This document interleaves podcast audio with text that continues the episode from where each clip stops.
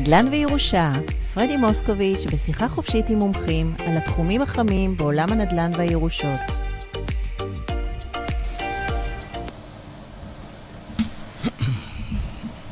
היי, ערב טוב. אה, אנחנו היום בפרק נוסף של נדל"ן וירושה.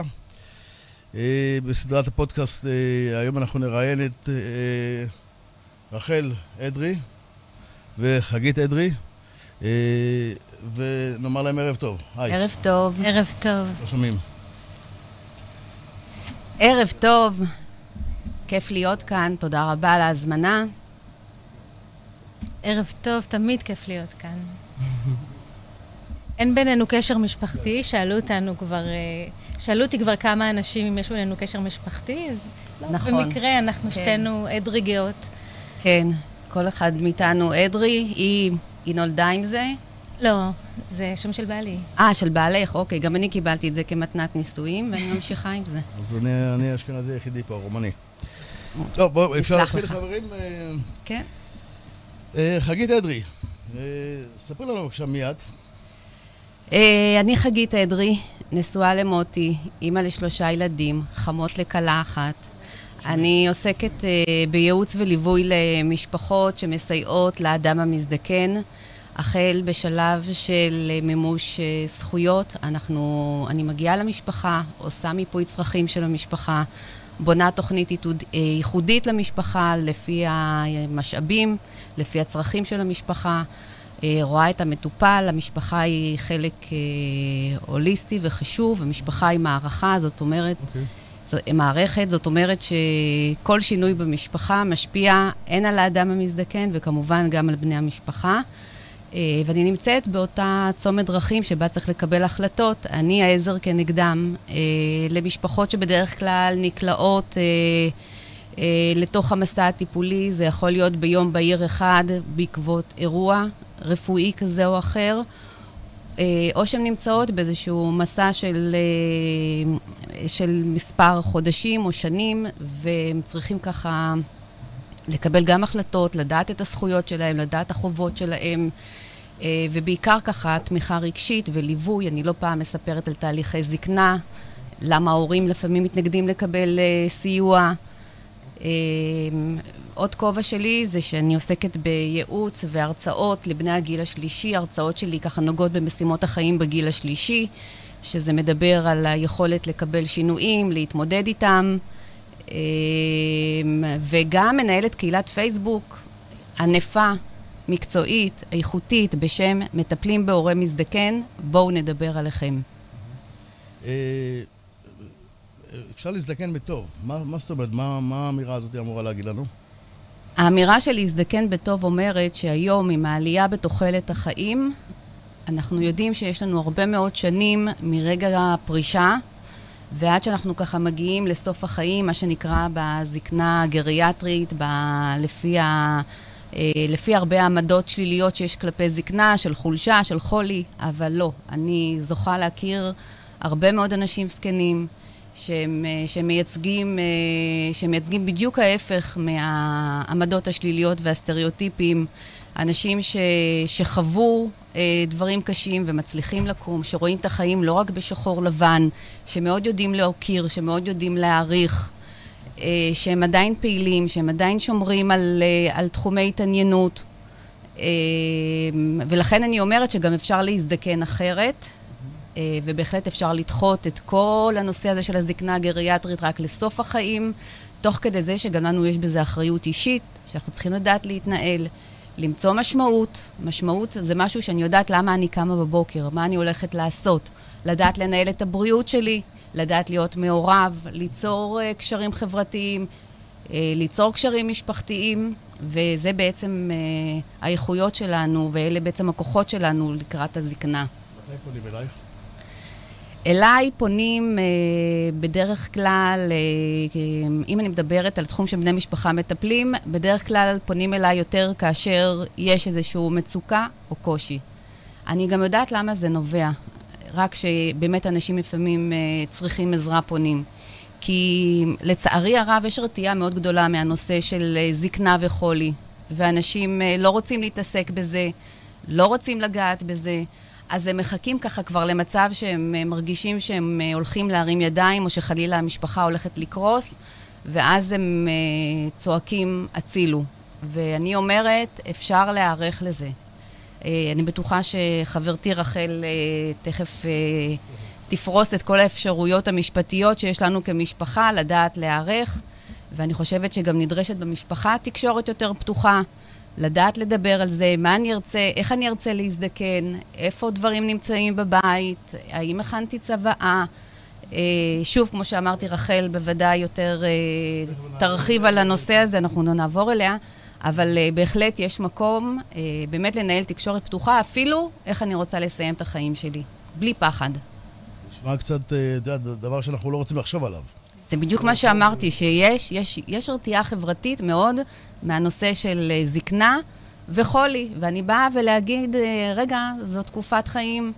אה, אני מאחלת לכולם להזדקן, והיכולת להזדקן בטוב תלויה גם בנו. זה לא קשור לכסף, זה לא קשור למעמד כלכלי כזה או אחר. זה, זה לא קשור בהכרח בגנטיקה. שוב, זה תלוי בנו, איך אנחנו מנהלים את החיים שלנו, לאיזה מציאות אנחנו קמים. מה אני עושה כל בוקר? אם להיות ריאליים, אז את יודעת, אנשים מדחיקים את זה, כולם מדחיקים את זה.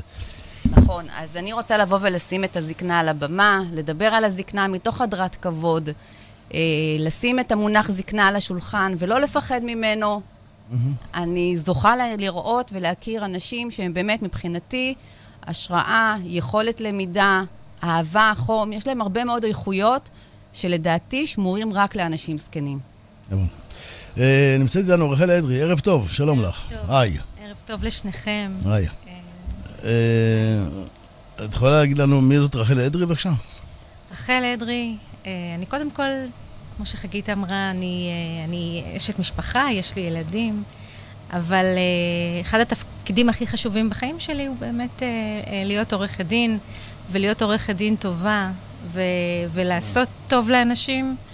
אה, ולבצע את התפקיד שלי על הצד הטוב ביותר. כשבאמת, חלק גדול מהלקוחות שלי הם אנשים אה, בני הגיל השלישי, אה, עם כל הרגישויות והייחוד, כמו שחגית סיפרה, על המערכת המשפחתית. הרי אני חושבת ששלושתנו, במובן מסוים, אנחנו נחלצים לעזרת המשפחה.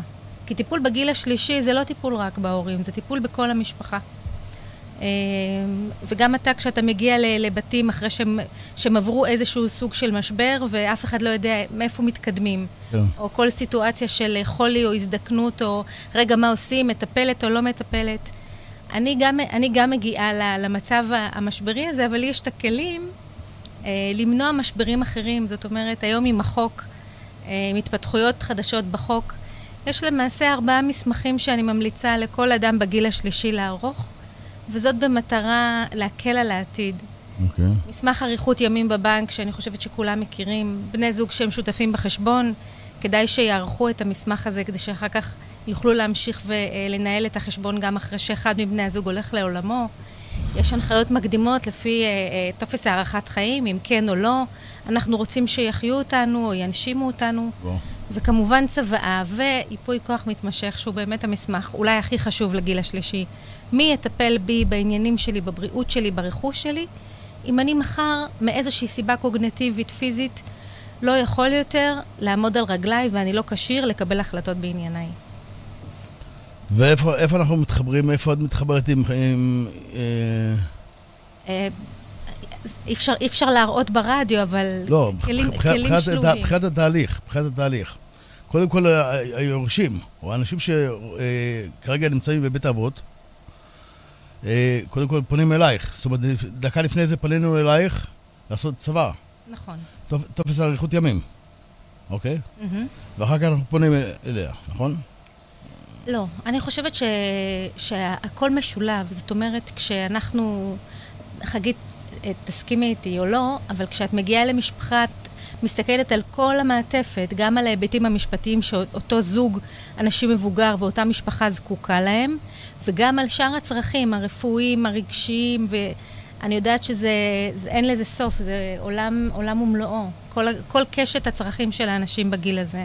נכון, אני רק אמשיך אותך, ואני אגיד, כשאני באמת, כשאני מגיעה למשפחה, אני באמת ככה נוגעת בכל המעטפת של, של, של מה זה להזדקן ואיזה שירות לתת לאותו, אה, לאותה משפחה, ואני בהחלט נוגעת גם בנושא הזה של הכלים המשפטיים שעומדים היום לרשותה של כל משפחה.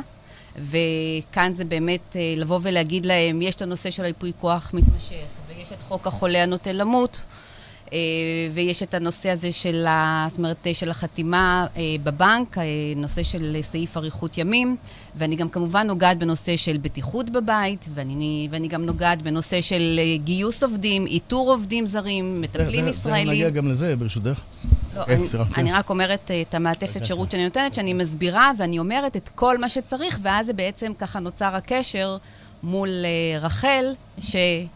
אם צריך צוואה, או אם צריך ייפוי כוח מתמשך, או אם צריך כל כלי משפטי אחר שיכול לעזור למשפחה, אפילו יש מקרים של אפוטרופוס, אז בהחלט אה, כאן אה, יכולה אה, רחל להיכנס לתמונה.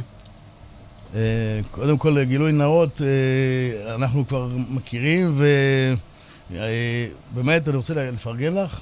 אנשים, אני רק מזכיר את השם שלך, ואנשים אומרים ראה וקדש, באמת, אז היא פה... שמחה אה, לשמוע, אני עושה את זה מכל הלב, באמת. רואים, אה, באמת שזה... אה, חגית, המשפחה יכולה להיערך לקראת הזדקנות? בוודאי. היום אני שמחה, אני חושבת שזה קרה יותר בעקבות הקורונה, שיש הרבה יותר מודעות לתהליך הזקנה וההזדקנות והמשפחה המזדקנת. כן. זה אומר שכאשר אני הולכת ומזדקנת, אני לא, אני לא מזדקנת בחלל ריק. אני מזדקנת בחלל של המשפחה שלי. ואם אני מזדקנת ואני, קורה לי משהו, זה גם משפיע על הילדים שלי, זה גם משפיע על הנכדים שלי ועל בן אנחנו, ובת אנחנו, הזוג אנחנו, שלי. סליחה, אנחנו מודעים לזה שאנחנו מזדקנים? כי אף אחד לא רוצה, את יודעת, להתמודד עם זה, מה, אני מזדקן, מה אני... זו שאלה יפה. לא, את יודעת, אף אחד לא... אם אנחנו יודעים שאנחנו מזדקנים... את מזדקנת? את לא מזדקנת. כאילו, בוודאי, אני כבר יש לי שיער לבן ויש לי קמטים. כן, אבל... אמ, אתה יודע, ואם פעם הייתי יכולה לעשות דברים בשלוש שעות, אז היום לוקח לי קצת יותר זמן, ובאופן טבעי... אה, אנחנו הולכים ומזדקנים, ורק כדי להגיד לך, אנחנו הולכים ומזדקנים מגיל 20. מגיל 20 מתחיל אוקיי. תהליך של הזדקנות אצל כולנו. אז אנחנו לא צריכים לפחד מזה, אנחנו צריכים ההפך, לקבל את זה בברכה, וככל שאנחנו נשנה יותר עמדות, וככל שאנחנו נבין אה, אה, שה, זאת אומרת, שהזקנה זה חלק ממעגל החיים, אני בוגרת של התיאוריה האדלריאנית, אלפרד אדלר אמר, הזדקנות זה חלק ממעגל החיים. קבלו את זה. עכשיו, כשאני מדברת על היערכות של משפחה, אז המשפחה צריכה בהחלט לדעת להיערך לקראת ההזדקנות של ההורים. וכמו שאמרתי, חלק מהכלים זה מה שרחל נוגעת ועושה, ואני מניחה שהיא גם בטח היא מרחיבה ומסבירה את זה. וגם אני אומרת למשפחה, בואו תנהלו שיח פתוח, בואו תנהלו תקשורת פתוחה, מקדמת, mm-hmm. מכבדת. אה, וגם כשאני מגיעה למשפחות, אני נותנת להם באמת את הכלים האלה לדעת איך להתמודד עם מצבים שהולכים ונהיים יותר מורכבים. יש לך איזו שאלה לשאול את חגית, משהו שאת חושבת שאנשים לא יודעים? את רחל לשאול אותה, שאלה שאני חושבת שאנשים לא יודעים, על החשיבות של היפוי כוח מתמשך. כשאני מגיעה למועדונים חברתיים, ואנחנו מדברים על זה שהשליטה נשארת בידינו, אז הם שואלים אותי איך, אבל אני כבר זקן, אני כבר uh, תשוש, אני אולי אפילו עם דמנציה. אני אומרת להם, נכון, אבל זה משהו שאתם עושים את זה כאשר אתם צלולים, ואתם בעצם משאירים את השליטה בידיכם בזה שאתם נכון. יודעים לידי מי למסור אה, את זו ה... זו נקודה מאוד חשובה, מה שאת אומרת, כי כשאני מגיעה לערוך ייפוי כוח מתמשך, או שאני מספרת עליו לאנשים, התגובה הראשונית היא רתיעה. היא רתיעה, בדרך כלל גם אומרים לי, לא רוצה, אף אחד לא יירש אותי בחיים. וחלק גדול בפגישה או במפגש הראשוני עם, אה, עם, עם הלקוחות, אני אומרת להם, לא, זה בדיוק ההפך. השליטה נשארת אצלכם בידיים, אתם לא משאירים את זה ליד הגורל. כי הרי המחדל, ברירת המחדל היא, אם אדם לא כשיר, אז מחר מחרתיים בני המשפחה יגישו אה, בקשה לבית משפט למינוי אפוטרופוס. אין להם באמת שליטה, הם לא יודעים מי יהיה זה שיטפל בעניינים שלהם. וזה עוד מעבר לכל שאר החסרונות שיש במנגנון האפוטרופסות. אבל כאן ביפוי כוח המתמשך, אתה שולט, כמובן, במידת האפשר, אבל הכל אצלך בידיים, וגם החוק מסתכל אחרת על ייפוי כוח המתמשך. לא ניטלות מהאדם הזכויות שלו, וגם יש אפשרות שאם אדם אה, הופעל ייפוי כוח המתמשך, אבל אה, הוא חזר למצב של כשירות, הוא יוכל לבטל אותו, שזה לא הליך מאוד פשוט באפוטרופסות. אז עניין השליטה הוא ממש חשוב. אה, לגבי שוק העובדים, העובדים הזרים, אנחנו שומעים שיש המון בעיות עם כל הסיפור הזה של שוק העובדים זרים, אנשים מקבלים, כמו דוגמה שהפניתי את הבחור אלייך, שבוע הפניתי מישהו. לגבי כל, כל הסיפור הזה, מה את יכולה להגיד לנו? איך מתחילים את הסיפור הזה? מי זכאי? מה זכאי? אוקיי, okay, אז uh, שוק העובדים הזרים היא באמת ככה נקודה כואבת היום בחייהם של הרבה מאוד משפחות שמטפלות באדם סיעודי. Okay. כן. Uh, יש, uh, יש מחסור בעובדים זרים, והעובדים הזרים יודעים את זה. ולכן הם גם מרשים לעצמם לבוא עם uh, דרישות ובקשות שחלק מהמשפחות נענות להם, ואז זה למעשה מטלטל את כל השוק ואת כל המשפחות. וזה אומר שהשכר ההתחלתי שלהם הוא מתחיל להיות יותר גבוה ממה שבעצם uh, קבע רשות האוכלוסין, מה שקבע רשות האוכלוסין. אה, הם רוצים אה, פתאום הפסקה במהלך היום, הם רוצים, אה, הם רוצים יותר כסף על, על החלפות ועוד ועוד ועוד ועוד ועוד. רוצים. אוקיי. הם רוצים ורוצים, ו... יש לי נקודה... ובחלק מהמקרים הם באמת מקבלים, וזה למעשה מה שקורה, גורר את כל השוק כלפי מעלה. ואני אמשיך תכף, בבקשה. לא, רק רציתי להתייחס לזה בנקודה משפטית לעניין הזה של עובדים זרים. אם אנחנו גם נותנים טיפים למאזינים, אז uh, לעקוב היטב אחר הוראות החוק, לשלם uh, uh, את כל התנאים הפנסיונים לעובדים הזרים, יש המון תביעות אחר כך, uh, וגם כמובן כשאדם הולך לעולמו, לקחת בחשבון, להשאיר סכום גדול בצד, כי אחר כך, כי צריך uh, לשלם לעובד הזר גם פיצויים, גם את כל התנאים הפ, הפנסיונים שלו.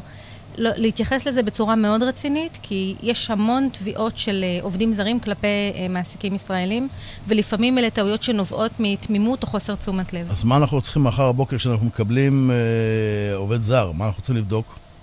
Uh, לערוך, פג... לערוך פגישה עם עורך דין לענייני משפחה, לעבור על ההסכם, uh, uh, לקבל הסבר לגבי מה התנאים הפנסיוניים, מה אנחנו צריכים להפריש. מי אמור להדריך, סליחה שאני קוטע אותך, מי אמור להדריך אותי, חגית או את? בנושא כל העניין המשפטי, כי את יודעת, נכנס לעובד זר. אני יודעת שיש, אני, לא אני בטוחה שיש הרבה אה, אנשים עם המון אה, ניסיון ומידע. אני, אה. מהתחום שלי, מהמקום שלי, אני יכולה להמליץ על, אני יכולה להמליץ רק על פנייה לעורכי דין לענייני משפחה, לענייני עבודה, אבל אני בטוחה שלחגית יש ניסיון אה, גדול מאוד גם בתחום הזה.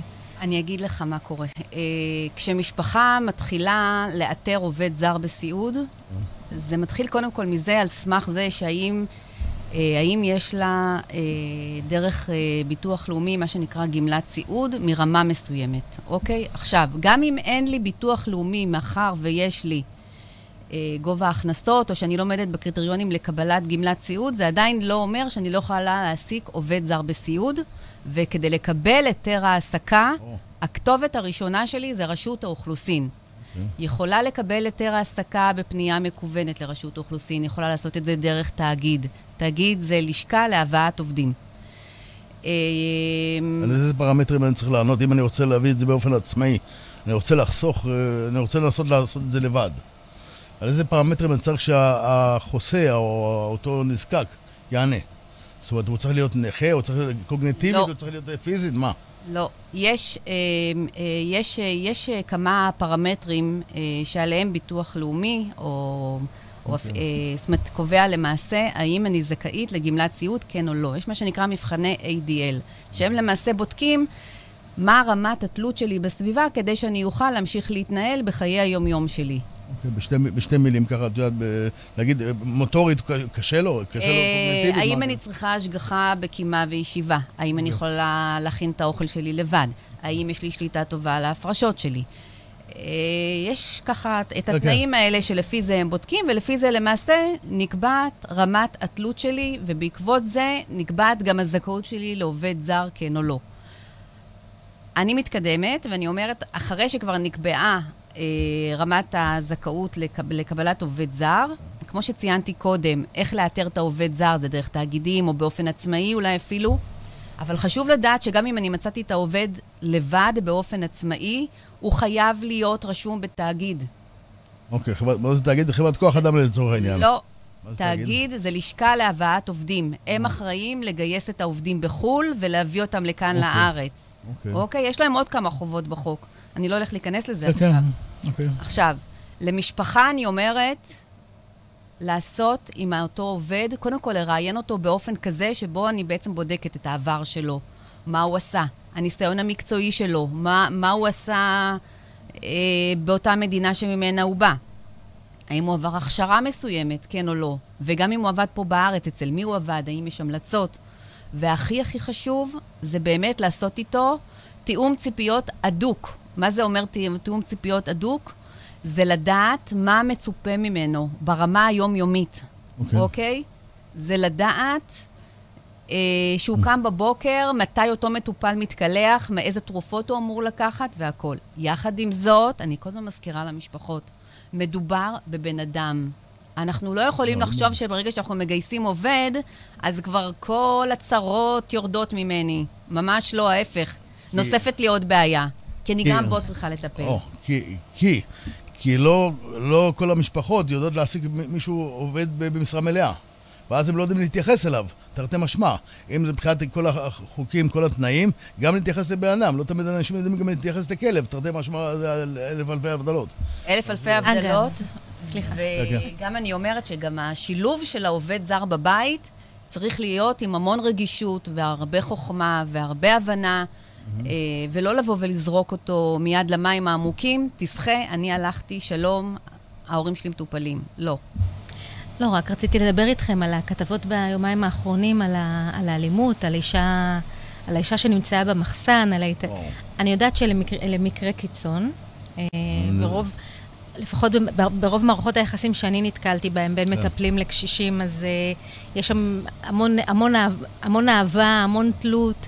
היה לי אפילו uh, לקוח שפעם אמר, אני אמות כשהמטפל, uh, שהמטפל שלי ייסע, המטפל שלו, uh, הוא yeah, חי בהודו, ואחרי כמה שנים הוא נאלץ לנסוע לבקר את הבן שלו, והמטופל נפטר כשהוא נסע. Oh, yeah. אבל uh, ב- מעבר לזה, אני גם, אני תמיד ממליצה להיות, לבדוק, להיות חשדנים, אולי להתקין לא. מצלמות, uh, לעשות ביקורות פתע. Uh, ושוב, רוב המקרים הם, הם באמת בסדר, אבל תמיד צריך לקחת בחשבון ש... אה, סליחה שאני... עדיף להיות זהירים. סליחה שאני קודע אותך. אצלנו אה, הייתה מטפלת זרה, ושאימא שלי נפטרה, וחשבנו לשחרר אותה, להוציא אותה, להגיד לה, עם כל הצער והבכי בלוויה והכל, ושאלתי את אחי מה לעשות, אמרנו בוא נשאיר אותה, בזמן השבעה נשאיר אותה אצלנו, אי אפשר להוציא אותה מהיום למחר. ומסתבר שבזמן השבעה אה, היא נקטה את הבית. ממש נקטה את הבית. ו... אז מה עושים מחר בבוקר בשביל מצלמות, דברים בסיסיים, אתה יודע, דברים אלמנטריים שאנחנו צריכים לדעת מחר בבוקר לבדוק אותה. הבנתי שיש היום גם בכלל, יש את כל השירות הטכנולוגי, זאת אומרת, אה, שליטה מרחוק, מצלמות, בוילר, דוד, הכל, אה, אפשר גם את העניין הטכנולוגי הזה. בוודאי, בוודאי. זאת אומרת, ההמלצה הראשונית זה באמת מיד להתקין מצלמות, אבל עוד לפני כן, כשמשפחה פונה אליי בנושא הזה של איתור וגיוס עובד זר, אחד הדברים החשובים שאני מסבירה להם זה את אפשרויות ההעסקה. היום משפחה יכולה להעסיק את העובד הזר באופן ישיר. זאת אומרת שאם אני מקבלת גמלת סיעוד מביטוח לאומי, כל הגמלת סיעוד מגיעה לחשבון של המטופל ואני המעסיקה הבלעדית של העובד. לעומת זאת, שאם אני מחליטה להעסיק את העובד יחד עם חברת סיעוד, שזה חברת כוח אדם. Okay. אוקיי. זה אומר שהגמלה שלי עוברת לחברת הסיעוד, ו... וחברת הסיעוד מעסיקה את העובד באופן היחסי בהתאם ל... אה, זאת אומרת, אה, בהתאם לגמלת הסיעוד שאני מקבלת, ואת החלק הנותר המשפחה מעסיקה. Yeah. וכאן אני גם נכנסת לתמונה, בזה שאני מסבירה למשפחה, חבר'ה, תהיו מודעים לזכויות ולחובות, גם שלכם גם של העובד. כמו שרחל אמרה, כש, כשעוברים על החוזה, צריך לדעת לקרוא אותו. צריך לדעת, לדוגמה, לתאם איתם מראש את ימי החגים שלהם. צריך לכתוב הכל בחוזה. יש אמנם איזשהו חוזה סטנדרטי שעובדים איתו רוב, ה, אה, אה, רוב התאגידים. גם אני עוברת על החוזה, אמנם, אמנם זה לא מחליף ייעוץ אה, משפטי, אבל אני עוברת על החוזה. ואני אומרת להם, שימו לב פה ושימו לב שם, וכדאי לעשות את זה, וכדאי לעשות את זה, ולהיות ערים לדברים מסוימים.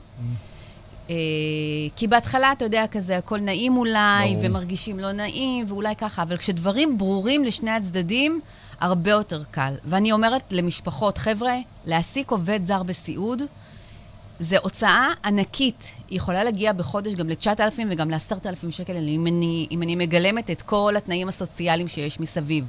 אז אל תקלו ראש ותנסו לחסוך עכשיו עוד כמה שקלים, ולא להתייעץ או לא לשאול איך נכון להעסיק, כי בסופו של דבר זה יכול להיות בעוכריכם. אז מה ההבדל? סליחה שאני קוטע אותך. אה, אז למה לי לקחת עובד אה, חברת אה, כוח אדם? היא מן הסתם גוזרת, זה בא על חשבוני באיזה מקום. נכון. אני רוצה להגיד לך שמהניסיון שלי עם משפחות, יש משפחות שמכל מיני סיבות, אם זה חשדנות בתוך המשפחה, אם זה מישהו שלא רוצה לקחת על עצמו את הנושא הזה של ההעסקה, את, את ההעסקה הבלעדית שרק הוא יהיה אחראי, אז אני אומרת להם, חבר'ה, לא לריב, יש לכם חברת סיעוד, אה, תעשו כל אחד, זאת אומרת, תעבירו את הגמלה לשם, והם ייקחו יותר את המושכות אליהם, ואתם אה, תהיו אחראים בחלק שלכם, אוקיי? אבל בגדול, אם אני מזהה משפחה שיכולה להבין את המטריה, איך לעשות את זה, מקבלים את ההסבר הנכון. Uh, בגדול היום uh, יש מעבר מאוד מאוד גדול של משפחות מהעסקה משותפת להעסקה ישירה, כי הבינו שזה חוסך גם כסף וגם כאב ראש. אז uh, למה אני, איפה אני יכול לפגוש אותך בדרך, בתהליך? אם אני לא רוצה חברת סיעוד, איך אני מגיע למישהי כמוך? זאת אומרת, מה ההבדל בינך לבין, לבין, לבין חברת סיעוד? מה הערך המוסף שלך? אה, אני עובדת עם מספר תאגידים בישראל, וכשמשפחה פונה אליי ורוצה מטפל או מטפלת, אז אני כמובן לוקחת קודם כל את ה... את ה... זאת אומרת, אני מבינה את הצרכים של המשפחה, לוקחת אפילו פרטים על המטופל, אה, עד כמה הוא סיעודי, מה צריך. פונה לתאגידים, והם מתחילים ככה להפנות לי אה, מטפלים. אמ, המטפ...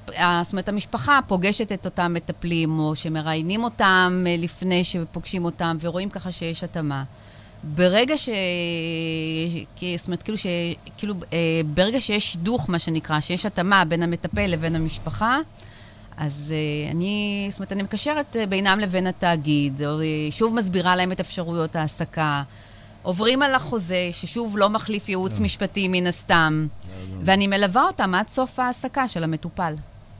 אה, אז זה לגבי כל מה שדיברנו לפני רגע, שהמצלמות, כל הסיפור הזה, אה, שאת יודעת, יש פה את העניין של החוקים הקטנים, שצריך עורך דין, בשביל זה שאלתי אם צריך עורך דין, או שאני יכול לעשות את זה לבד. זה הניואנסים הקטנים, מול, מול העובד או מול החברת כוח אדם.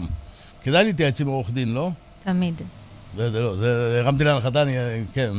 אני רוצה אבל לדבר איתכם על, אה, ככה בין הדברים, חשבתי על איזשהו עניין, אני נתקלת בו, ואתם בוודאי, אתה בעיקר במסגרת התפקיד שלך אה, ב, בטיפול במשפחות של יורשים. אה, מה, אני, אני עדה למערכת היחסים, להשלכות של מערכת יחסים שבין הורים לילדים, כשאתה, אחד הדברים שאני כמעט תמיד אומרת בפגישות ללקוחות, זה אין לא נעים לי. אה, יש הרבה מקרים של אה, נניח סכסוכים בין האחים, יש בהרבה משפחות אח אחד שמאוד, אה, בן אחד שמאוד מאוד עוזר להורים וצמוד ומנהל את העניינים, ויש ילד שהוא ככה קצת יותר קשה לו והוא זקוק ליותר עזרה, אולי מקבל יותר כספים. ואני שמה לב שבכל התקשרות עם, עם משפחה, כמעט בכל התקשרות עם משפחה של הגיל השלישי, אני צריכה ולא, לבוא ולומר, תשמעו, מי שחשוב כאן בכל המערכת זה אתם. וגם בצוואה, אבל בעיקר בייפוי כוח מתמשך. הסמכות או הסמכות שאתם נותנים לילד, היא לא צריכה לבוא משיקולים של אה, לא נעים לי. השיקול תמיד צריך להיות קר, הגיוני. אה, אה, האם הילד יוכל באמת לסייע לי כשהוא יהפוך להיות מיופה הכוח שלי? האם במקרה הזה אני צריך או לא לתת לילד יותר רכוש בצוואה, מה שעלול מאוד לפגוע באחים שלו? השיקולים צריכים להיות קרים. אז יש, כבר דיברנו על זה, אני חושבת, בתוכנית הראשונה, שיש המון רגש. בעיקר, אה, אתה בטח נתקל בזה כן. בין היורשים. אז אה, השבוע דיברנו על איזה מקרה שמישהו ש... את יודעת, אה, חלילה עובר איזה ניתוח, ויש איזה מצב סיעודי חדש, ו... וצריך להתנהל, להתרגל לתנאים חדשים בתוך הבית, בתוך הדירה. ואת יודעת, דברים קורים ברגע, ואנשים לא, לא עושים את הדברים האלו, ואנחנו נתקלים, גם אני נתקל בהרבה דברים בסיטואציה של צבא, ייפוי כוח מתמשך, אנשים לא מתכחשים לכל הסיפור הזה, כל העניין של הזקנה, הזדקנות. השבוע... יש רתיעה סביב כן, השבוע מישהי מספרת שדיברנו על הפודקאסט, אז היא אומרת, כן, הפודקאסט, אני שמעתי על הפודקאסט, שמעתי על הבחור הזה, אבל אה, זה הנושא שהוא נכנס לבתים, מפנה בתים. היא לא רוצה לשמוע, לה, היא לא מסוגלת, אה, כאילו, אנשים מתכחשים, זה דבר שצריך, אין מה לעשות, זה לא... למרות שאני חייבת להדגיש שצבא וייפוי כוח מתמשך, כמובן שהם מאוד מאוד חשובים לגיל השלישי, אה. אבל הם חשובים יותר ל... עצוב לומר, אבל גם צעירים, גם קורה שגם צעירים הולכים לעולמם. זה yeah. כן. מסמך, מסמכים שהם חשובים מאוד גם לצעירים, yeah. כן. גם להורים, להורים לילדים uh, קטינים או לילדים עם צרכים מיוחדים. כל מי שבעצם תלוי בנו, בכסף שלנו או, ב, בס, או, או בטיפול. שלנו. אני גם מצטרפת למה שרחל אומרת, שהנושא של ריפוי כוח מתמשך. זה לא תלוי גיל, זה לא אומר שאם אני רק בן אדם זקן, רק אז אני צריכה להתחיל לגעת בזה. זה משהו שבאמת צריך לחשוב על זה עוד הרבה קודם, וגם היתרון של זה, זה, זה, זה שאני יכולה לשנות אותו. כי יכול להיות שבגיל 50 יש לי החלטה אחת, ובגיל 60 יש לי החלטה אחרת. אני צודקת, נכון, רחל? את צודקת מאוד, וזה גם בדיוק העניין. המסמך, אפשר להכין אותו בגיל 20, והוא יהיה בתוקף גם 70 שנה. אה, זה, זה מה שמיוחד בו. אני רוצה משהו להגיד בנושא של אה, בני משפחה מטפלים. כן. כמו שרחל אמרה, אני רואה אותם. אני רואה אותם כי הם בעתיד יצטרכו להתמודד עם הקושי הזה, הקושי הרגשי, הקושי הפיזי, של לבוא ולקבל החלטות למען ההורים, בשם ההורים. אז uh, אני רוצה להגיד שאני מנחה ככה סדנאות לבני משפחה מטפלים, ואחד הדברים שהכי עולים וצפים זה הקושי הרגשי לראות את ההזדקנות של ההורה. זה הקושי הרגשי yeah. כן. להתמודד בעומס המשימות. אנחנו מדברים על דור הסנדוויץ', אנחנו מדברים על דור הביניים. אה, זה יכול להיות חבר'ה בני 30, אה, ואני פגשתי שני אנשים במהלך חיי המקצועי, בני 82, שיש להם אימא, והם עדיין מטפלים בה. אז... אה, ספרי לנו מקרה האחרון שקרה לך. ככה, מהליווי האחרון שנעשה, שאת עושה. הליווי האחרון שאני עושה זה דווקא מקרה מהיום של משפחה שהגיעה אליי להתייעצות לפני כמה חודשים. קיבלו ככה כמה המלצות מה לעשות, איך להתנהל. אה, קצת היה קשה, כי לא כל כך הייתה הסכמה בין האחים על דברים מסוימים. בינתיים, בחודשים האלה, המצב של ההורים ככה הידרדר, ויש צורך אה, אפילו קצת לשפץ את הבית ולהרחיב אותו, ואני אפילו כזה דיברתי איתך על זה השבוע, אם אתה יכול לעזור לי במקרה כן. הזה של... אה, זאת אומרת... מה אמרתי לך, שאני אעזור לך או לא? כן, כן, אתה כבר, אתה כבר אמרת לי שיש לך משפצים והכול. כל הבעיות אני יכול לפתור לך, חוץ מהמשכנתה אני יכול לפתור את כל הבעיות, כן. כן, אני שמחה שבגיל 80 אין משכנתה. אוקיי. אתם רואים? זה עוד יתרון של הזקנה, אל תגידו שלא. אני לא יודעת, לי בגיל 76 אמורה להיות. אני מאמינה שתסיימו. זה גם דור אחר. זה אפרופו מה שדיברנו על נדל"ן. זה, זה הדבר היחידי, שאם חס וחלילה קורה משהו, יש לנו ביטוח שמשלם את המשכנתה, אחרי לכתנו. נכון, אבל היום הרבה, בטח נתקלת בזה, אה, המון משפחות, אני עדה לזה, שהן לוקחות אה, משכנתה הפוכה היום. נכון. אה, ברוב המקרים, לפחות מניסיוני, זה לטובת עזרה לאחד הילדים. אבל mm. זה ככה...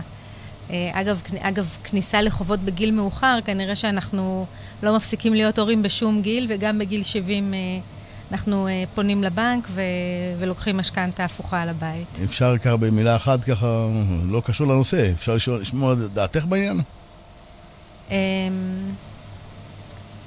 מצד אחד זה פתרון שהוא נותן מענה. לי, אני, לי באופן אישי, אולי בגלל המקצוע שלי, שאני נוטה לבוא, נות, נוטה לבוא למקום הזה בצורה שהיא קצת יותר חשדנית, mm-hmm. uh, בעיקר במה שעלול להיות אחר כך... Uh, uh, באיזון, באיזון המתנה הזו. הרי כמו שאמרתי, הרבה פעמים מדובר במתנה שניתנת לאחד הילדים. כנראה שלאותו הורה לא תהיה הזדמנות לתת גם לאחים שלו. במקרה הזה אני, אני יכולה להציע לעשות איזון מתנות בצוואה. למשל, אם אני לקחתי משכנתה הפוכה, או לא, מאיזושהי סיבה נתתי לילד אחד סכום כסף גדול, כן. ואני רוצה להיות הוגנת גם, גם כלפי הילדים האחרים, אז אני יכולה להוסיף סעיף לצוואה, שבו אני מאזנת בין המתנות. זאת אומרת, אני מביאה בחשבון את המתנה שהוא כבר קיבל, או את המשכנתה שלקחתי עבורו, ואני כותבת בצוואה מראש שמעזבוני הוא יקבל את הסכום, הוא יקבל קצת פחות, כי הוא למעשה קיבל כבר חלק עוד קודם. אוקיי. אמ, נושא הכספים זה נושא לא פשוט במשפחה, ו... רציתי להרים לאן להנחתה, כי היא מתעסקת גם בגישור. נכון. נכון מאוד. ופה בעניין של, סליחה, סליחה רגע, ברשותך. בעניין של היורשים פה, את יודעת, אה, אה, אה, הגענו למצב שההורה מתבגר, צריך לעשות צוואה, ואחר כך עניין של היורשים. את יודעת שאפשר להיעזר בה בקטע של עניין של גישור. בוודאי, אני יודעת. אני מכירה את הפעילות הענפה של רחל, גם בנושא של אה, גיל שלישי, גם בנושא של בני משפחה. Mm-hmm.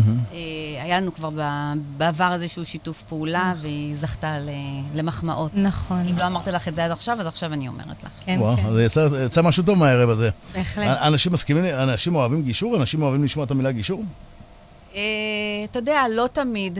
אה, תלוי גם, אה, גם, גם נורא תלוי באיזה פוזיציה אתה תופס אותם. אם אתה תופס אותם, מה שנקרא, בעידנא דריתחא, הם לא מוכנים לשמוע כלום. אני אספר לך מקרה אמיתי. לפני שבוע הייתי במועדון, לא משנה איפה, של אחד מארגוני הגמלאים הגדולים בארץ. ומסתבר שהיה שם אדון שיש לו אישה עם דמנציה שהוא מטפל בה. והוא מספר לי שהמטפלת שלהם עכשיו נוסעת לכבוד הקריסמס, נוסעת לביתה אחרי שנתיים, אה, והוא לא מצליח למצוא מטפלת מחליפה, ויש לו, לו שלוש בנות. והוא אומר שהוא אמר להם, אה, אני צריך עזרה עכשיו, אני לא יכול להיות עם, עם אימא כל הזמן. Yeah, כן, זה, yeah. כן. הרי טיפול באדם עם דמנציה זה מאוד מאוד תובעני, מאוד no, קשה. No, no. אה, והוא אומר שיש לו בת אחת שלאורך השנים, אה, יש לו איתה תמיד ככה אינטריגות. ואז הוא אומר לי, מה את חושבת? איך אני מתנהג מולה? אני נוקם בה. בצוואה, אה, היא לא תראה ממני פרוטה אחת שחוקה. יאללה. אז, אז אם אנחנו מדברים על גישור, אז לבוא ולהגיד לו גישור בזמן שהוא מדבר על זה נורא נורא בכעס, הוא לא ירצה לשמוע. הוא יגיד לי מיד, עזבי אותי עכשיו, לא רוצה, נכון. לא מעניין אותי, לא זה זה. אבל אחרי שהוא נרגע, ואני אומרת לו, תשמע, יש אופציות נוספות, ואל תוותר על הבת שלך. ברור. אה, ובכלל, אתה יודע, כשאנחנו הופכים להיות בני משפחה מטפלים, יש לנו הזדמנות אדירה. אני רוצה רגע לבוא ולשים את הנושא של זקנה ובני משפחה מטפלים דווקא במקום חיובי, לבוא ולהגיד, חבר'ה, אתם, הבני משפחה מטפלים, מסתכלים על זה כמסע מ"ס עין, שבו okay. אוקיי. אני יכולה ללמוד על עצמי, ללמוד על המשפחה, להכיר דברים חדשים, או שאני רואה בזה מסע שאני סוחבת על הגב, נטל, ואז הכל הופך להיות הרבה יותר קשה. אז במקרה, אם אני לוקחת מקרים של אה, קושי ושל אי-הסכמות במשפחה, אני אומרת להם, חבר'ה, יש לכם הזדמנות פז לבוא וללבן דברים, לבוא ולסגור מעגלים. זו תקופה שלא חוזרת. כן, אבל את יודעת, רק, רק, סליחה, רק אחרי הפטירה, רק, את יודעת, רק בדיעבד אנשים נזכרים להגיד, חבל שלא הייתי ולא איפה לא עשיתי. נכון מאוד. אגב, מה שאת אומרת, אם אתה זוכר, אה, סיפרתי לך שתיקי אה, התנגדות לצוואה הם התיקים הכי נפוצים בבית משפט. וזה בדיוק, אה, בדיוק המקור שהנקמה הזו בצוואה, או לקחת מאחד הילדים, לפעמים גם מסיבה שהיא לגמרי מנומקת, אבל תמיד שהצוואה היא לא שוויונית, זה מעלה רגשות עזים, שבחלק מהמקרים גם גורמים לבני המשפחה לפנות לבית משפט ולבקש לבטל את הצוואה מכל מיני סיבות. שמעתי סיפור יפה, מישהו שרצה להדיר את אשתו, אשתו, גרושתו, מהצוואה, ואמר, היא בגדה בי ועשתה לי ועשתה לי, ואמר מה לא. הוא לא אמר מה כן. אז מה קרה עם הצוואה? הלכה למדינה. כי הוא אמר מה לא, הוא אמר רק לא היא, הוא לא אמר מי כן.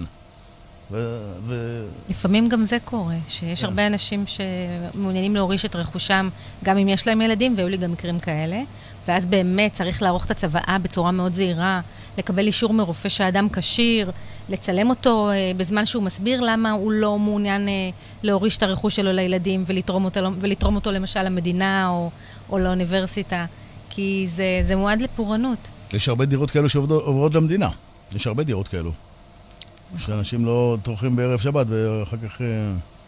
אגב, אני רוצה להתייחס לעניין הגישור. אני חושבת ששלושתנו באיזשהו מקום, בגלל אופי העבודה שלנו, גם אם אנחנו באים ומגדירים את זה כגישור, אבל שלושתנו מגשרים. זאת אומרת, שלושתנו נכנסים לתוך, לתוך משפחה. אני, בצבא פחות, כי אסור לי לערוך צבא עם הילדים, אבל ביפוי כוח המתמשך, ואתם ב, ב, מטבע העיסוק שלכם, אנחנו, גם אם אנחנו לא שמים לב, אנחנו באים אה, כגישור, הרי זו, זה חלק מהתפקיד שאנחנו אה, אה, עושים פה. לדבר עם זה ועם זה ועם זה, ו- ולהסביר לצדדים ולכנס אותם, ו... אה, כן, גם אני, כשאני נפגש עם היורשים, מן הסתם, צריך להתחיל לדבר עם היורשים. אני יודעת מה זה יורשים, זה גן ילדים. כן, זה ממש ככה, כן.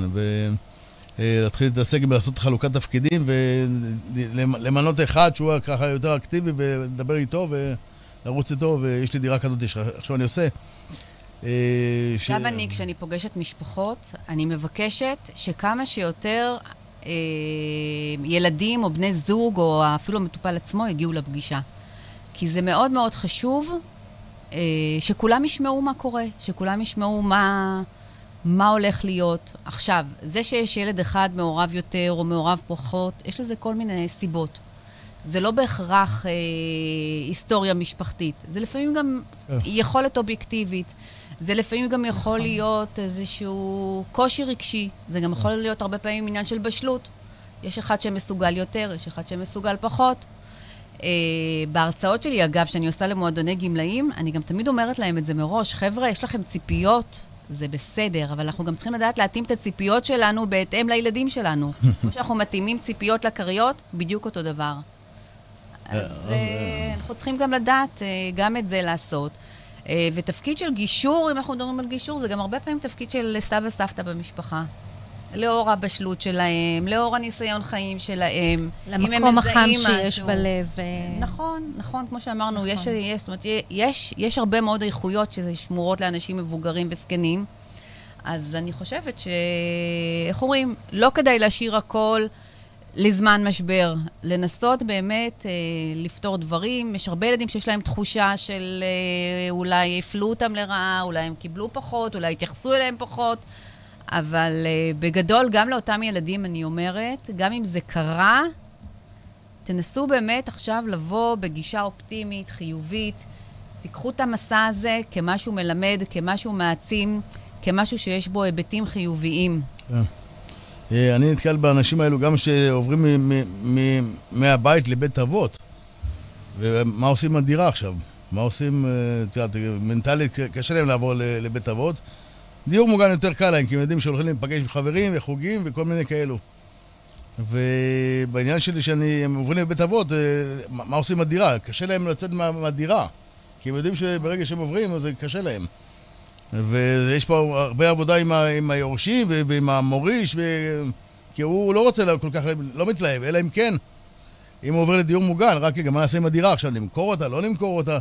אפרופו משכנתה הפוכה, ניקח עליה משכנתה הפוכה. יש פה הרבה דילמות, זה אפרופו גישור. יש המון, הרי הדירה זה כנראה הנכס הכי יקר שיש ברור. לנו. כן, כן. ויש לו גם, גם השפעה כלכלית משמעותית, אבל גם השפעה רגשית גדולה. נכון. ואני חייבת uh, לתת לכם ככה אנקדוטה מעניינת, שבכל ליפויי הכוח המתמשכים שערכתי, למעט אולי אחד או שניים, וערכתי מאות, uh, האנש, האדם, כשאני שואלת אותו, מה, איך אתה צופה את פני העתיד, מה היית רוצה? לו, לו היית זאת אומרת, לא היית יכול להחליט היום מה היית רוצה, לעבור, לגור בבית עם מטפלת, עם, אה, אה, לעבור לדיור מוגן. כולם, למעט אחד או שניים, אמרו לי, אנחנו רוצים להישאר בבית. וזה אולי ההוראה הכי חשובה והכי אה, אה, משמעותית שאני מקבלת. אנחנו רוצים להישאר בבית. רק אם אין ברירה ובאירוע מאוד חריג, אנחנו רוצים לעזוב. אז מניסיוני, אה, מתי מעט, כמו שאמרת, עוברים לדיור מוגן, זה אנשים שיש להם כסף ויש להם כסף לשלם על דיור מוגן. ופה, ופה יש את העניין של המלחמה עם הילדים. שההורים, הילדים כבר אין להם כוח להתעסק, אומרים, תלך לבית אבות, ו... ופה יש פה את העניין של כבר מלחמות, פה מתחילות המלחמות, פה כבר מתחילות ה... פחות ירושה לילדים. כן, כן, כן, כן, זה ממש ככה, כן. כן. גם אני מצטרפת לזה, ואני אומרת שכל עוד הבן אדם הזקן יכול להישאר בביתו... מה זה זקן? סליחה על השאלה, מה זה זקן? זקן לפי ארגון הבריאות הבינלאומי מתחיל מגיל 65. אוקיי, אז אני עוד חמש שנים. אוקיי. תודה. עשית לי את היום, תודה. אז, אה, אז אה, פה זה הגדרה של בן אדם המזדקן, וההמלצה היא באמת כאילו להשאיר אותו, והיום התוכניות מדברות על זה, וכל תחום הגרונטולוגיה והגריאטריה מדבר על זה, שעדיף להזדקן בבית, להזדקן במקום. לדאוג שיהיו שירותים שישרתו את אותו אדם מזדקן, כן. אם זה קופת חולים, אם זה עובדת סוציאלית, אם זה מועדון חברתי, אם זה מכולת שהיא נגישה, כל הדברים האלה. השכנים, השכנות, כן. זה דברים שהתרגלנו אליהם כל השנים. אה, שכנים ושכנות, אגב, היום יש בחריש או בקציר, אם אני לא טועה, דיור אה, רק לבני 60 פלוס. זאת אומרת שהם מראש יודעים לקראת איזה דיור הם באים. כן. כולם גרים במבנה אחד, והם דואגים אחד לשני. יש להם גם פעילות חברתית, וגם הם יודעים, חלק מהמחויבויות שלהם זה שאם מישהו צריך עזרה, אז הם כולם נרתמים לעזור, מה שנקרא קהילה תומכת כזאת. אוקיי. אה, כי זה, עוד פעם, יש את העניין של הסמנטיקה, העניין של אני זקן, לא זקן, זה מה שדיברנו מההתחלה. אני שמה לב שהזקנה מפחידה אותך. Mm, mm, אז רחל ואני פה כדי לעזור לך. אה, אוקיי. אז אל תדאג, זה בסדר. אני בחברה טובה. אני מאחלת לך להגיע לאריכות ימים בטוב. חברה טובה. אה, מה, תספרי לנו מקרה האחרון שהיה לך. בנושא של מה שאנחנו עוסקים. בנושא של, אני אספר גם על מקרה מהיום. כן. הייתה לי פגישה עם לקוח שרצה, שרוצה לערוך צוואה. כמובן, שוחחנו על כל העניין של הצוואה, הסברתי לו את כל המשמעויות. יש, יש, לו אישה, יש לו אישה שנייה, הוא רוצה להוריש את הדירה לילדים. הסברתי, יש כל מיני אפשרויות היום עם סעיף שבו האישה יכולה, סעיף מגורים שהיא יכולה לגור בבית עד סוף ימיה. ואז ציינתי כי בדרך אגב את, את ייפוי הכוח המתמשך. וזה עדיין מעניין אותי. במאזן שבין צוואה לייפוי כוח מתמשך, רוב האנשים עדיין יודעים מה זה צוואה ורוצים צוואה, ולא כולם מכירים את ייפוי הכוח המתמשך. למרות שחגית תעיד, היא מדברת, היא מסבירה המון ללקוחות שלה, ויש לה קהילה מאוד גדולה, וזה עולה, אני רואה, זה עולה מדי פעם בקהילה שלה, ואני עורכת המון הרצאות, ועדיין האסימון לא ירד לגמרי. אז בהערת אגב, דיברתי איתו על ייפוי כוח מתמשך, הסברתי לו את המשמעויות, ובינינו זה מסמך שהוא הרבה יותר חשוב מצוואה. כי עם כל הכבוד לכסף שלי, אחרי שאני אלך לעולמי, זה פחות חשוב ממי יטפל בי כשאני חיה ו- ולא יכולה ללכת בעצמי לשירותים, או לא יכולה ללכת בעצמי לרופא. אז uh, כל פעם שככה אני uh, uh, מסבירה ומשכנעת, אז אני... אני חושב שהיא האינדיקטור הכי טוב לדעת כמה אנשים עושים, כמה אנשים לא עושים. ייפוי כוח מתמשך ו... אני רואה את השיפור, אני רואה את, ה, את, ה, את, את התהליך. כן. כן, היום, פעם, בעבר הרבה לקוחות, כשהייתי מגיעה למקומות ומרצה, אני מרצה לפחות פעם בשבוע, אז באמת היה כמו, הייתי באה עם התורה החדשה ואף אחד לא היה מכיר. וכאן אנשים כן מכירים, עדיין לא מכירים היטב את מסמך הבעת הרצון, שהוא מסמך מדהים, שהוא נכנס יחד עם היפוי כוח מתמשך, הוא מסמך מאוד... אה, אה, שעדיין לא, כמעט ולא נכנס לתובעה, לתובע, לתודעה, למרות שיש לו יתרונות נהדרים, אולי במפגש הבא אני אספר לך עליו. אבל uh, ככה, לאט לאט עם הזמן, אני רואה שיותר אנשים מכירים את, את ייפוי הכוח. גם לקוחות שפונים אליי אומרים לי, לא, לא, אני, אני יודע מה זה, אני רק רוצה לעשות את זה. סליחה על השאלה. היא סיפרה איפה היא מרצה, איפה את מרצה? איפה אפשר, איפה אפשר לשמוע אותך? יש לי, יש לי הרצאות שאני עורכת בזום. אה, אני, מרצה הרבה בפני תושבי חוץ, אה. כי ייפוי הכוח המתמשך הוא מסמך שמיופה כוח יכול, לעזור, של, יכול לעזור להורה שלו גם מחו"ל. כן. אפוטרופוס לא יכול לעזור. מי שחי בחו"ל לא יכול להיות אפוטרופוס. אז יש פה עוד ככה יתרון, אה, יתרון מעניין. אני מרצה ב... אני, דרך עבודות סוציאליות, אני מגיעה להרבה ארגונים של ילדים עם צרכים מיוחדים. בתי אבות, דיור מוגן. אז זה מראים לכם להנחתה, אולי אפשר לעשות שיתוף פעולה בנושא ההרצאות. כי יש... נפגשנו פעם בהמון רשויות, המון מועדונים, המון מתנ"סים, אה, צריכים, מחפשים את הדברים האלו. נכון, יש... כן, אה, אליי גם יש הרבה פנייה של עורכי דין. אני, כמו שאמרתי קודם, אני מנהלת את הקהילה של מטפלים בהורי מזדקן, בואו נדבר עליכם, קהילת פייסבוק גדולה. אוקיי. והרבה מאוד עורכי דין כל הזמן כזה כותבים לי, בואי נעשה הרצאה על ייפוי כוח מתמשך, ובואי נעשה, ובואי נעשה, ו... זאת הרצאה חשובה, שאני באמת, אני צריכה למצוא את הזמן ואת האנרגיות, אה, לנהל אותה ולעשות אותה, אבל אה, הרבה פעמים אני חייבת להגיד שכן יש מודעות לנושא של ייפוי כוח מתמשך, אבל זה איזשהו קושי פנימי כזה, איזשהו מחסום שקשה לבוא ו... Yeah. כן. ולעשות את זה, כי...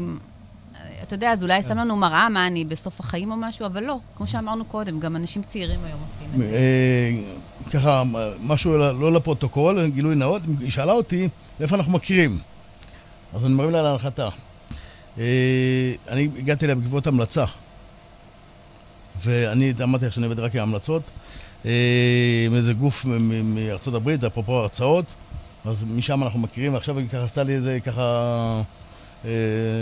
קצת סדר בראש, איפה אנחנו מכירים. נכון. נפל לי האסימון, ככה אמרתי רק... אגב, אנחנו צריכים לדבר על זה, לא סגרנו את הנקודה כן, הזו. כן, כן, זה נכון, זה אפרופו הרצאות. נכון. אז שווה להיות חברה שלה. אני חברה שלה, אני. זה כן. יש לך קהילה נפלאה. תודה. אתה, אתה חבר בקהילה? אם לא, אז היא אתה היא לא רוצה חייב לקבל. אותי, למה? איך מתחברים לקהילה? מה? קהילה בפייסבוק אה, שנקראת? קהילת פייסבוק שקוראים לה מטפלים בהורה מזדקן, בואו נדבר עליכם. לא טיפול בהורים, לא כל מיני כאלה שמנסים כן, לחכות. כן, כן. משהו שהוא באמת מקצועי, אני באמת משתפת שם הרבה מידע מקצועי שלי, משתדלת לעזור במה שאפשר. יש שם הרבה שיתופים של אנשים. זאת קבוצה שהיא סגורה, כי יש שם גם הרבה דברים שהם מאוד אישיים ופרטיים. ברור, ברור.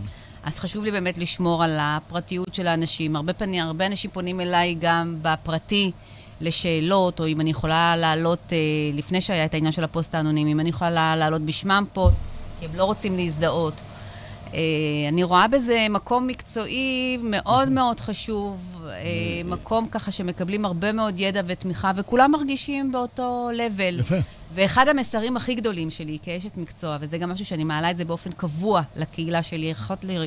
כל יום ראשון בשמונה בבוקר, אתה תראה שם בבוקר, פוסט, וואו, זה- ממש. כן, כן, אתה תראה שאני מעלה פוסט של, של חשיבות השמירה העצמית של המטפל העיקרי, יפה. או של המשפחה בכלל. מה הרקע שלך לשיחה שאני ככה סוטה ל- לכיוון שלה? מה הרקע שלך לגבי חו"ל? לגבי חו"ל, כן, ה- הילדים שבחו"ל וההורים פה? יש לי משפחות ש... שגם נמצאים בחו"ל, אבל תמיד יש בארץ איזושהי נציגות והכל מתנהל מול, ה... מול הנציג שנמצא כאן בארץ. אוקיי. אה, כמעט ואין לי משפחות ש... שכולם נמצאים בחו"ל.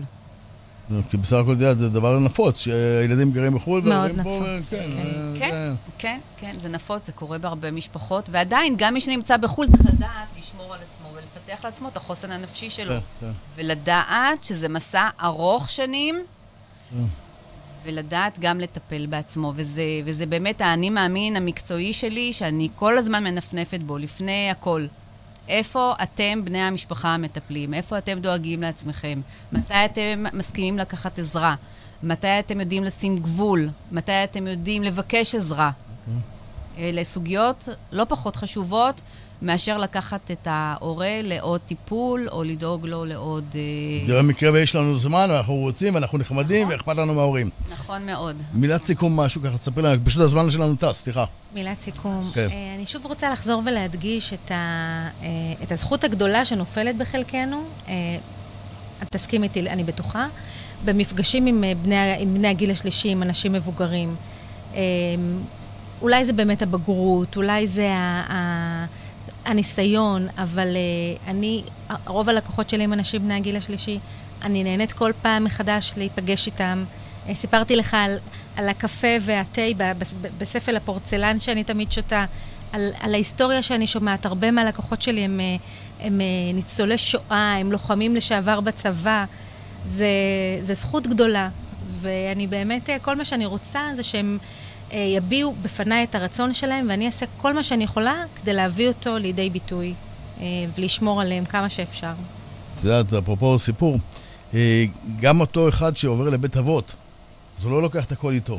הוא לוקח איתו את הדברים הקטנים. ואת נכנסת לבתים, את רואה בתים, את רואה כל, כל מיני תמונות, כל מיני היסטוריה, היסטוריה. מאחורי, מאחורי כל דבר. ובמעבר חד, סליחה, אה, אחרי הפטירה, אני רואה את הדברים האישיים, הדברים הקטנים, את הדברים ה... אני מבינה שמאחורי כל בית יש סיפור. בוודאי. ואני יודעת, זו שיחה שאני... ואנשים הם, אה, אה, אנשים מנסים לפנות, הייתה לי דירה עכשיו שראיתי דירה, שהיורשים מנסים לפנות את הדירה, את הדירה לבד. ונתקעים, כי מאחורי כל דבר, כל דבר, כל נייר שהם נוגעים, כל מסמך שהם נוגעים, יש היסטוריה. קשה להם לפנות את זה, קשה להם, לוקח הרבה, יותר זמן. אז אה, כן. מילת סיכום בבקשה. מילת סיכום. אה, קודם כל, אני מודה על כל יום שיש לי את הזכות הזו להתערב בחיים של אה, אנשים, להיות מעורבת, אני לא מתערבת. אה, לפגוש הרבה מאוד אנשים בגיל זקנה, ללמוד מהם, לנהל את הקהילה שלי, להכיר אנשים חדשים שמרשים לי ככה להתקרב אליהם יותר, ולהודות על כל יום, ברוך הוא, ברוך שמו.